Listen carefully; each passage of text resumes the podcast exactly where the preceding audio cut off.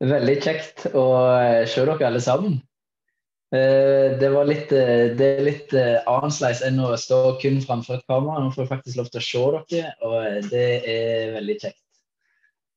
Så veldig bra at dere er her. Veldig kjekt at vi kan være i lag på denne måten. da. For vi trenger å være i lag. Det det er viktig da, i disse tidene her. Jeg tror bare vi ber ei kort bønn til, så skal vi snakke litt mer om uh, bønn. Gode Gud, vi bare har lyst å takke deg for muligheten til å samles på denne måten. Vi har lyst å be om at du skal være nær oss der vi sitter. Ber om at vi skal få til kjenne at du er der, at du elsker oss, at du taler til oss, at du vil oss kun det beste. Eh, som bare ber om at du må blåse liv i de ordene som jeg har tenkt å si, og ber om at det kan bli til velsignelse og til forandring i våre liv. Gode Gud, det ber vi deg om. Amen. Yes, vi snakker om uh, bønn og bønnens makt. Uh, og Forrige søndag, så, eller forrige gudstjeneste, snakket vi om hva bønn var. Det handler om relasjon, og at bønn er en måte å være med Gud på. At bønn er en reaksjon på en relasjon til Gud. Og I dag så skal vi snakke litt om eh, effekten av bønn, altså bønnens makt. Hva som kan skje når vi ber. Eh, og Jeg vil at vi i hovedsak skal flytte fokus over fra oss sjøl eh, og over på mennesker rundt oss. Forrige gang så var det veldig individuelt fokus, med at vi snakket om min relasjon og din relasjon til Gud. Mens i dag tenkte jeg at vi skal mer snakke om eh, fokus på de rundt oss, og på verden rundt oss, rett og slett. Ikke at det er galt å, å be for seg sjøl, det er veldig bra. Men at vi kan òg tenke bønn ut over oss sjøl. Eh, og for som kirke som er vi meint til å være med på Guds plan om å la Hans rike komme. Og Det er mange eksempler som er, er om dette her i, i Bibelen. og jeg, jeg tenkte vi skulle lese fra apostlenes gjerninger, kapittel 12. Hvis du har en bibel, så slå gjerne opp denne, de andre bibelversene som kommer der får dere på skjermen. Dette er såpass langt stykke at jeg, eh, jeg velger å bare lese det her rett fra Bibelen. Så hvis du har en bibel, så kan dere godt eh, slå opp. I Apostlenes gjerninger kapittel 12 og vers 1 17 skal vi lese. Så jeg bare, Hvis noen er på vei til å hente Bibelen, så gir jeg litt tid eh, til å finne og kanskje til å slå opp.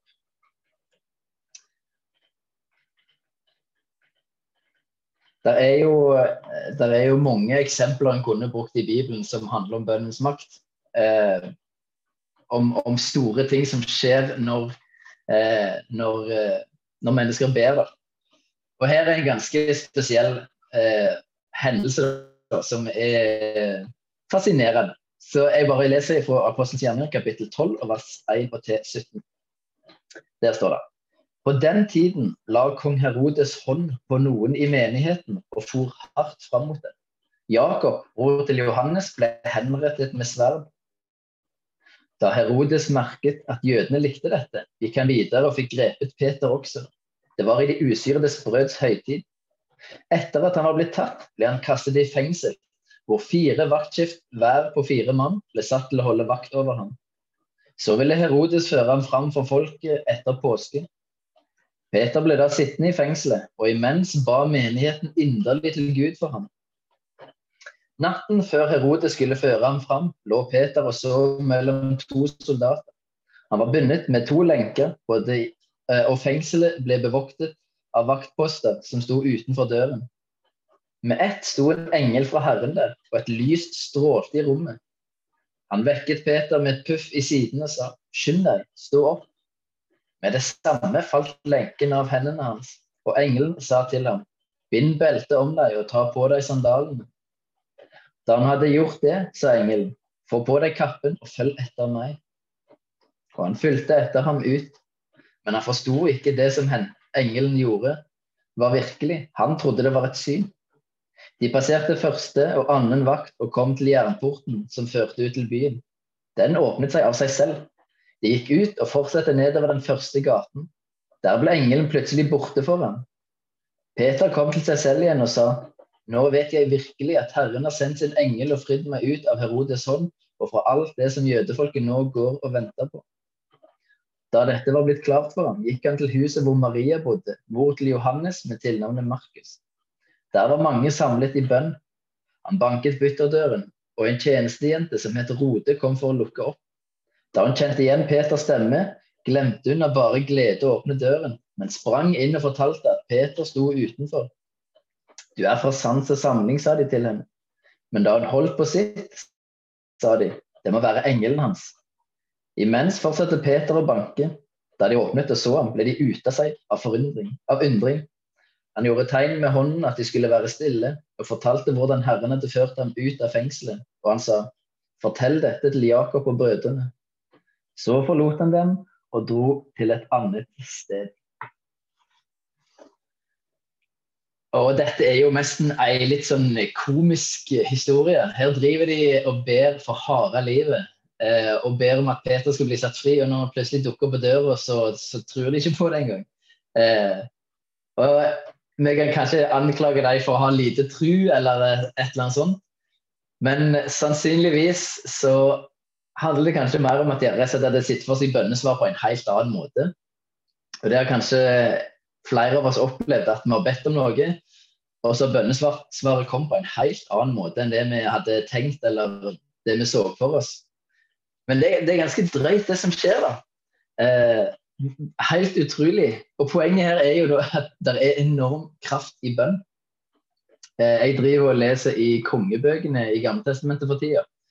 Eh, og Der leser en bl.a. om eh, kong Hiskia, som får et trusselbrev fra en annen konge. Han truer med å ta Jerusalem og føre vekk alt folket. Og Hiskia, Det første han gjør, han tar dette brevet så går han fram for Gud og ber om Guds inngripen. Og Den samme natta så kommer en engel og slår i hjel 185 000 soldater. Og Når resten av soldatene ser det, så pakker de naturlig nok sakene sine og, og reiser hjem. Eh, men bønn har stor, stor påvirkning og kraft. Og så er spørsmålet om tror, tror vi på det i dag? For jeg har, jeg har en følelse av at uh, kristne i dag at vi har mindre tro på bønn enn kanskje generasjonene før oss hadde. Eh, vi lever i ei tid der kristne har begynt å bli mer kritisk til Bibelen. Ta f.eks. historien om Jonah, der det står om at eh, han ble slukt av en fisk. Mange kristne i dag vil faktisk si nei, det skjedde ikke. Eh, det går ikke an. Og du kan selvsagt si og velge å tenke det, men faren er da at vi velger å ta vekk alt som er overnaturlig. For det, for det blir så vanskelig å forklare. Og da sitter du igjen med en Gud som ikke er allmektig, en Gud som ikke kan gjøre under. og det, Da begynner vi å, å bevege oss ut i en ting der Gud ikke helt er den han beskriver seg selv til å være. Og om vi, om vi tror at Gud kan gjøre store ting, eh, så vil bønn være viktig. Eh, og om, om, vi tror på det, vil det kanskje være mest preget av vårt gudsbilde. Hvordan ser vi på Gud? Eller hvor godt kjenner vi Gud? For hvis vi tror på at Gud er den han er, at Bibelen sier at han er den han er, så har vi all grunn til å be om altså ikke bare be, men å be om store, store ting.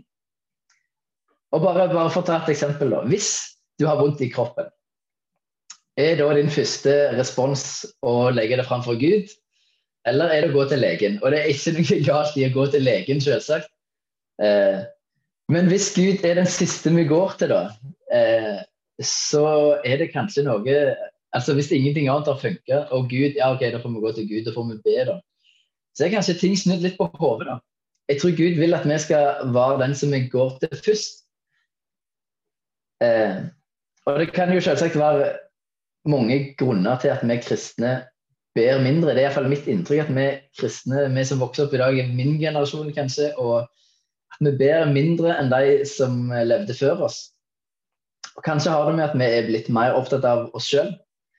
At fokuset vårt i større grad enn før handler om å realisere våre egne drømmer, mer enn å realisere Guds drømmer. Før så snakket de om det å ha nød for andre mennesker. Og Det kan jo egentlig være et godt spørsmål å stille seg. da. Har vi nød for andre mennesker? Er det viktig for oss hvordan andre mennesker har det, om de kjenner Gud eller ikke? Eh, hvordan, hvordan tingenes tilstand er rundt oss. Er det viktig for oss, eller er det ikke viktig for oss? Eh, det er et lurt spørsmål å stille seg. Det kan være, det kan være mange grunner til at, at, kristne ber mindre i dag, men det trenger ikke å være sånn. Eh, vi trenger jeg trenger, og, vi, og vi trenger å rette blikket utover, vekk fra oss sjøl. Eh, Ulsteinvik frikirke eksisterer ikke for å samle mest mulig folk, men for at Ulsteinvik skal bli kjent med Gud og skal bli forandra. Det er derfor vi eksisterer. Det er grunnen til at vi fins. Og det kommer vi aldri til å klare om vi ikke ber om at det skal skje. At vi ber og roper til Gud om at han må gripe inn og gjøre et eller annet. Eh, og jeg tenkte at eh, vi skal få høre hva eh, Jesus sjøl sier, for det er ganske noen store løfter om, eh, om bønn. Så vi skal lese hva Jesus sier til disiplene i eh, Johannes 14, 12-14. Der sier Jesus Sannelig, sannelig, jeg sier dere, den som tror på meg, skal også gjøre de gjerninger jeg gjør. Ja, enda større gjerninger, for jeg går til far. Og det dere ber om i mitt navn, vil jeg gjøre, så Faderen skal bli æret gjennom Sønnen. Dersom dere ber meg om noe i mitt navn, vil jeg gjøre det. Og det er jo ganske crazy løfter, da. Be om hva dere vil i mitt navn, så vil jeg gjøre det. Altså Både det at vi kristne skal gjøre større gjerninger enn det Jesus gjorde, men òg at dersom vi ber om noe i Jesu navn, så vil han gjøre det. Eh, og Da er det to ting som kan være viktig å være klar over. For det første eh, Det første Jesus sier, er ikke Han sier ikke når han skal gjøre det. Så det betyr ikke at når vi ber om noe eh, i Jesu navn, så, så, vil det skje med en gang. Det betyr det ikke. Det står ikke, det, står ikke hva tid det kommer til å skje. Det er litt viktig å være klar over. For det andre så betyr ikke det å be i Jesu navn, det betyr ikke å slenge på et i Jesu navn, amen. Eh, det er ikke det som betyr, eller det ligger i å be i Jesu navn. Eh, la oss ta et eksempel. La oss ta på Jesus i tid. da. Hvis f.eks. en budbærer kom til en landsby, så ropte han kanskje noe sånt som I kongens navn så befaler jeg bla, bla, bla. Eh, og denne budbæreren, han er jo ikke kongen, men han er der i kongens navn. Det vil si, han er der på vegne av kongen. Han handler i kongens autoritet. Og det er det å be i Jesu navn handler om at vår vilje er samkjørt med Jesus' sin vilje. Vi vil det samme. Når vi ber i Jesu navn, så ber vi om det som Jesus drømmer om og vil. Vi ber på vegne av Jesus. Og når vi gjør det, så vil Jesus svare oss. Eh, og Samtidig så oppfordrer Jesus oss til å være utholdende i bønn. Eh, og vi skal lese neste, eh, neste bibelvers. Så å si. står i Lukas kapittel 18 og vers 1-7. Så fortalte han dem en lignelse om at de alltid skulle be og ikke miste motet. I en by var det en dommer som ikke fryktet Gud og ikke tok hensyn til noe menneske. I samme by var det en enke som stadig på ny kom til ham og sa Hjelp meg mot min motpart, så jeg kan få min rett. Lenge ville han ikke, men til slutt sa han til seg selv Enda jeg ikke frykter Gud og ikke tar hensyn til noe menneske, får jeg hjelpe denne enken til hennes rett siden hun plager meg slik. Ellers ender det vel med at hun flyr like i synet på meg. Og Herren sa, hør hva denne uhederlige dommeren sier. Skulle ikke da Gud hjelpe sine utvalgte til deres rett? De som roper til ham dag og natt, er han sen til å hjelpe dem?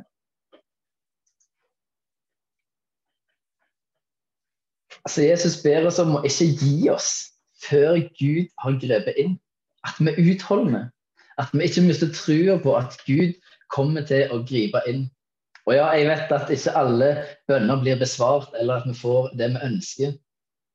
Men det er ikke det Jesus sier. Han sier, han sier at vi skal være utholdende likevel. Eh, at, vi, at vi, Det trenger ikke hindre oss i å fortsette å be. Eh, vi trenger å fortsette å rope til Gud. Eh, og det er ikke bare i Bibelen der er mange historier om bønnens makt. De historiene fins overalt. Eh, og de er ikke gamle heller. Hvor mange har ikke hørt om noen som har blitt helbredet for kreft eller annen alvorlig sykdom fordi mange har bedt for dem? Og legene de forstår ingenting. Det er, er, mange mange historier om det og lignende ting. Men òg historier som handler om at hele områder, hele regioner, har blitt forandra.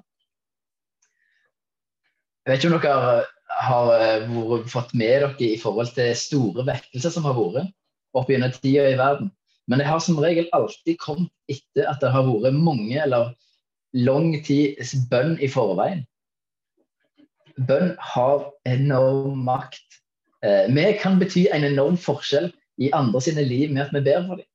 Og vi kan bety en enorm forskjell for Ulsteinvik.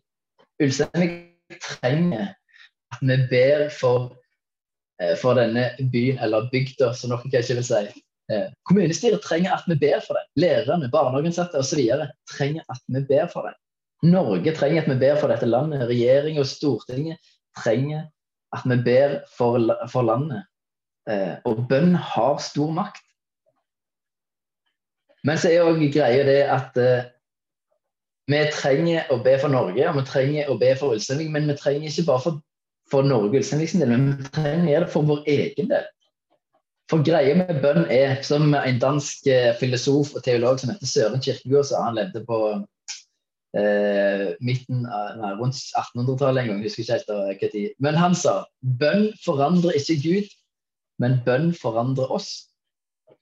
Vi blir forandra når vi ber for Ulsteinvik. Eh, for etter hvert så, så, vil vi få mer omsorg for det vi ber for. Vi vil forstå mer eh, hva, Gud, eh, så, hva Guds hjerte er for Ulsteinvik. Og det er det, er det som er på en måte min drøm, da. Eh, at, at, vi skal være en menighet, en kirke, som bryr oss om lokalsamfunnet. Eh, og at vi derfor er med og ber for det.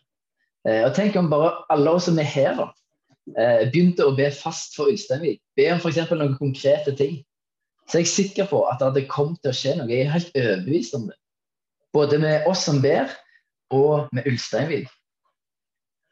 Eh, og helt til slutt så har jeg bare lyst å eh, sitere en som heter Charles, Charles Spurgeon. Eh, han òg eh, levde rundt på midten av 1700-tallet, tror jeg. 1700-1800-tallet. Men han sa det at bønn, eller bønnemøter, er kirkens maskineri. Så hvis du ser for deg en båt, så kan det godt være at du har lederskap oppe på brua. Men uten et maskineri så kan du ha så godt lederskap du bare vil, men du kommer faktisk ingen vei. Bønn er maskineriet som driver kirka framover. Bønn er utrolig viktig, og vi trenger å bli en generasjon som, som ber. Eh, jeg, le, jeg, leste nettopp eh, en sånn eller en greie i avis i dagen eh, som en, som, en som fortalte litt om gamle pinsepredikanter. Som sa at eh, gamle pinsepredikanter hadde ofte hull i, i buksene, hull på knærne. Fordi de hadde brukt så mange timer i bønn framfor Gud på kne. Og Det syns jeg var litt sånn eh, jeg, jeg, vet, ikke om det er sant, da. Men kanskje er det faktisk noe sant i det. At de, de, hadde brukt så mye tid på kne framfor Gud at de fikk hull i, i buksene sine. Eh, og det var noe som kjennetegnet dem. Eh, jeg syns det var litt interessant. Eh, for det det forteller noe om den arven som, som finnes eh, at generasjonene før oss har brukt mye tid i bønn, og kanskje har det vært med å prege landet vårt mye mer enn vi er klar. Så min bønn er at vi skal bli ei kirke, en menighet, som, som, ber, eh, som ber for Ulsteinvik, som ber for landet vårt, som tror på bønn. Eh, og derfor så velger vi å bruke tid framfor Gud i bønn. Jeg sier ikke at nå for nå skal alle bruke masse timer uh, og be, men at vi kan begynne med det, begynne å ta steg i den retningen. Ulsteinvik trenger det. Ulsteinvik kommer ikke til å bli forandret, tror jeg, uh, uten at vi er på kne framfor Gud og ber. Uh, det tror jeg helt seriøst. Uh, og jeg tror at vi kan utrette masse i bønn. Så det er rett og slett Jeg har lyst til å oppfordre oss til å gjøre det. Til å, til, å, be for Ulsteinvik. Be for konkrete ting som skal skje. Kanskje skulle vi lagd en liten slags bønnekalender som kunne delt ut. Der det er konkrete ting vi ber for, for Ulsteinvik. Eh, og det å be for, for, for menigheten vår, for, for, fellesskapet. Vi trenger det. Vi trenger at vi ber for det, sånn at Gud kan få at det er et sunt fellesskap, og Gud kan gjøre at det vokser, at Gud kan forandre våre liv. Vi trenger eh, at vi ber for hverandre. For det er stor, stor makt i bønn. Ellers hadde ikke Jesus bedt oss om å være utholdende i bønn eh, og sagt det han sa. Eh, så det er min store oppfordring, at vi skal være mennesker som, som, eh, som bruker tid i bønn, og som ber for, for Ulsteinvik, og ber for menigheten vår, og ber for landet vårt. For jeg er overbevist om at det har stor, stor makt. Eh, helt til slutt så tenkte jeg bare at vi skulle, du skulle få, lov få de vanlige refleksjonsspørsmålene. Eh, for jeg har lyst til at du skal tenke litt igjennom. Eh, og første spørsmål er litt, eh, litt teit, egentlig. Eh, for jeg har tatt, eh, antatt at vi ikke nødvendigvis ber så veldig mye for Ulsteinvik. Hvis du ber mye for Ulsteinvik, så eh, kan du glemme dette spørsmålet. Men spørsmålet er hva gjør at du ikke ber så mye for Ulsteinvik? Eh, som sagt, ber du masse for Ulsteinvik, så gjelder ikke dette spørsmålet deg. Men min antakelse er at kanskje ikke vi ber så veldig mye for Ulsteinvik. Hva er det som i så fall gjør det? Er det ikke viktig for oss? Eh, er det at er, vi har ikke bønnevaner?